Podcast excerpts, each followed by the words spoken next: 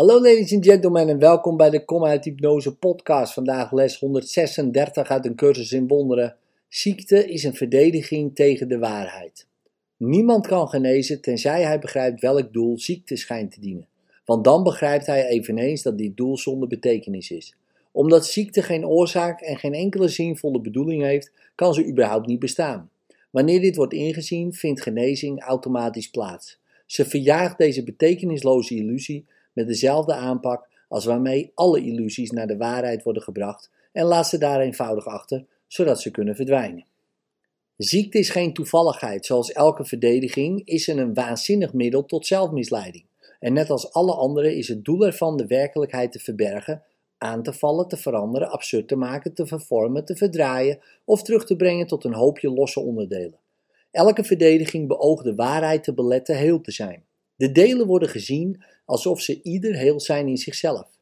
Verdedigingen zijn niet onopzettelijk en evenmin worden ze onbewust tot zand gebracht. Het zijn geheime toverstafjes waarmee je zwaait wanneer de waarheid lijkt te bedreigen wat jij graag geloven wilt. Ze schijnen onbewust te zijn enkel vanwege de snelheid waarmee jij ervoor kiest ze te gebruiken. In die seconde, of minder zelfs, waarin de keuze wordt gemaakt, begrijp je precies wat je probeert te doen en denk je vervolgens dat het gedaan is. Wie anders dan jijzelf beoordeelt iets als een bedreiging, beslist dat ontsnappen nodig is en zet een reeks verdedigingen op touw om de bedreiging te verminderen die als werkelijk beoordeeld werd? Dit alles kan niet onbewust worden gedaan. Maar achteraf vereist jouw plan dat je moet vergeten dat jij het hebt gemaakt, zodat het buiten je eigen bedoeling om leek te gaan. Een gebeurtenis buiten de staat van jouw denken. Een resultaat met een echte uitwerking op jou in plaats van één door jouzelf bewerkt. Juist dit snelle vergeten van de rol die jij speelt bij het maken van je werkelijkheid, maakt dat jouw verdedigingsmechanismen zich aan je controle lijken te onttrekken. Maar wat je vergeten bent, kan weer herinnerd worden. Ervan uitgaande dat jij bereid bent de beslissing te heroverwegen, die door vergetelheid dubbel wordt afgeschermd. Dat jij het je niet herinnert, is slechts een teken dat deze beslissing, voor zover het jouw verlangens aangaat, nog altijd van kracht is. Zie dit niet ten onrechte aan voor een feit. Verdedigingsmechanismen moeten feiten onherkenbaar maken. Dat beogen ze en dat doen ze dan ook. Elke verdediging neemt fragmenten uit het geheel, voegt ze samen zonder zich te bekommeren om hun eigenlijke onderlinge verband en bouwt zo de illusie op van een geheel dat er niet is. Het is dit proces dat de bedreiging vormt en niet een of ander resultaat dat er mogelijk uit voortvloeit.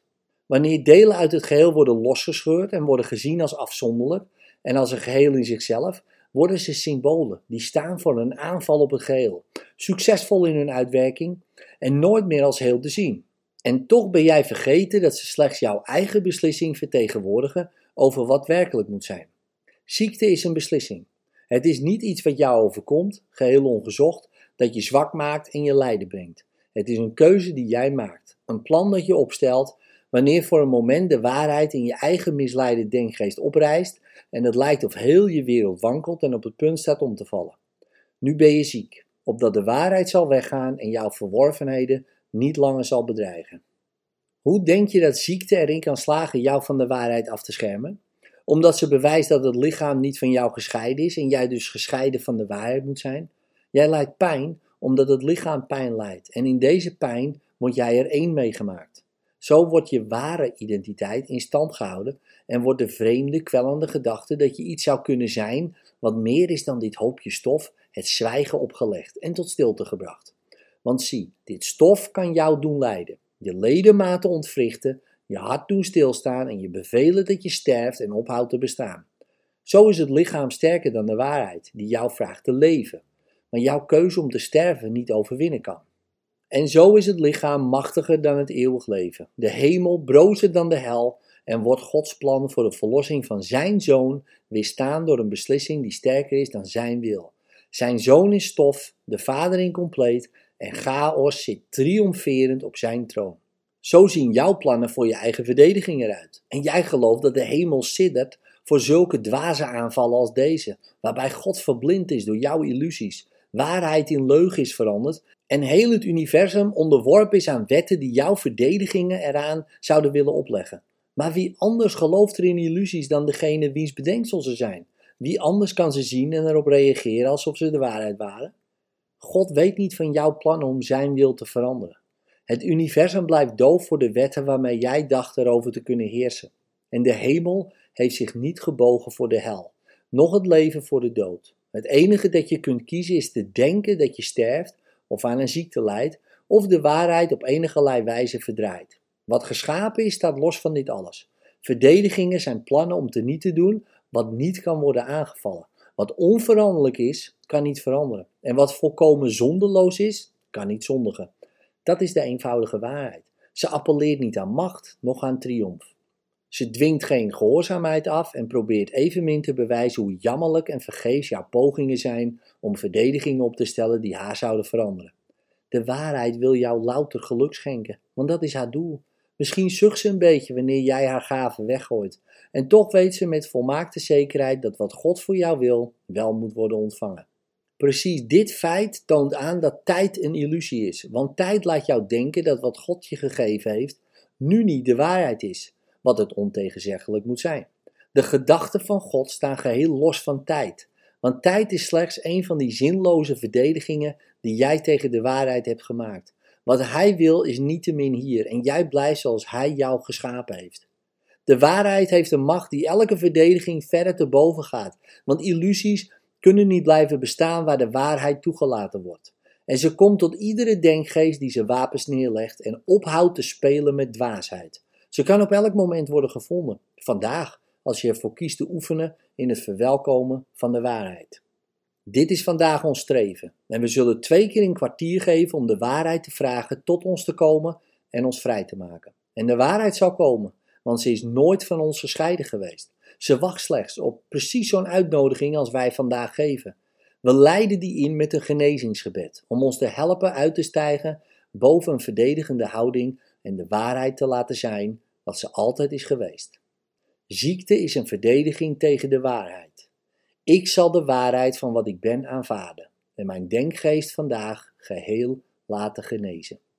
Genezing zal zich bliksemsnel door je open denkgeest verspreiden, terwijl vrede en waarheid de plaats komen innemen van oorlog en zinloze inbeeldingen. Er zullen geen donkere hoeken zijn die de ziekte nog verborgen kan houden en tegen het licht van de waarheid kan beschermen. Er zullen geen schimmige figuren uit je dromen en je denkgeest overblijven, nog hun duistere en onbeduidende bezigheden met dwaas gezochte dubbele bedoelingen. Je denkgeest zal genezen worden van alle ziekelijke wensen waaraan hij probeerde het lichaam te laten gehoorzamen. Nu is het lichaam genezen, want de bron van ziekte is opengesteld voor leniging. En dat je goed geoefend hebt, zul je aan het volgende merken. Het lichaam vertoont geen enkel gevoel. Als je het met succes hebt gedaan, zal er geen gevoel meer zijn van ziek zijn of gezond zijn, van pijn of plezier. Er is in de denkgeest geen enkele reactie op wat het lichaam doet. Zijn nuttigheid is het enige wat blijft, verder niets. Misschien ontgaat het je dat dit de beperkingen wegneemt die jij het lichaam had opgelegd door de doelen die je eraan hebt toegekend. Zodra deze terzijde worden gelegd, zal de kracht die het lichaam heeft altijd voldoende zijn om alle werkelijk nuttige doelen te dienen.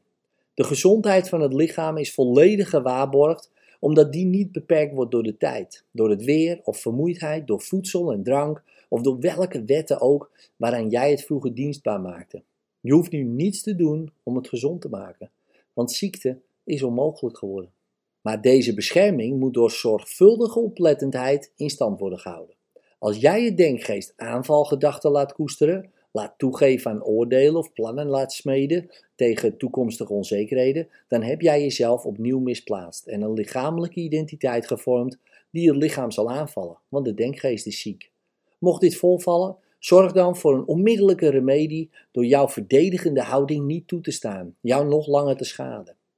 Wees niet verward over wat genezen moet worden, maar zeg tegen jezelf: Ik ben vergeten wat ik werkelijk ben, want ik heb mijn lichaam met mezelf verward. Ziekte is een verdediging tegen de waarheid, maar ik ben geen lichaam en mijn denkgeest kan niet aanvallen, dus kan ik niet ziek zijn. In liefde, tot morgen.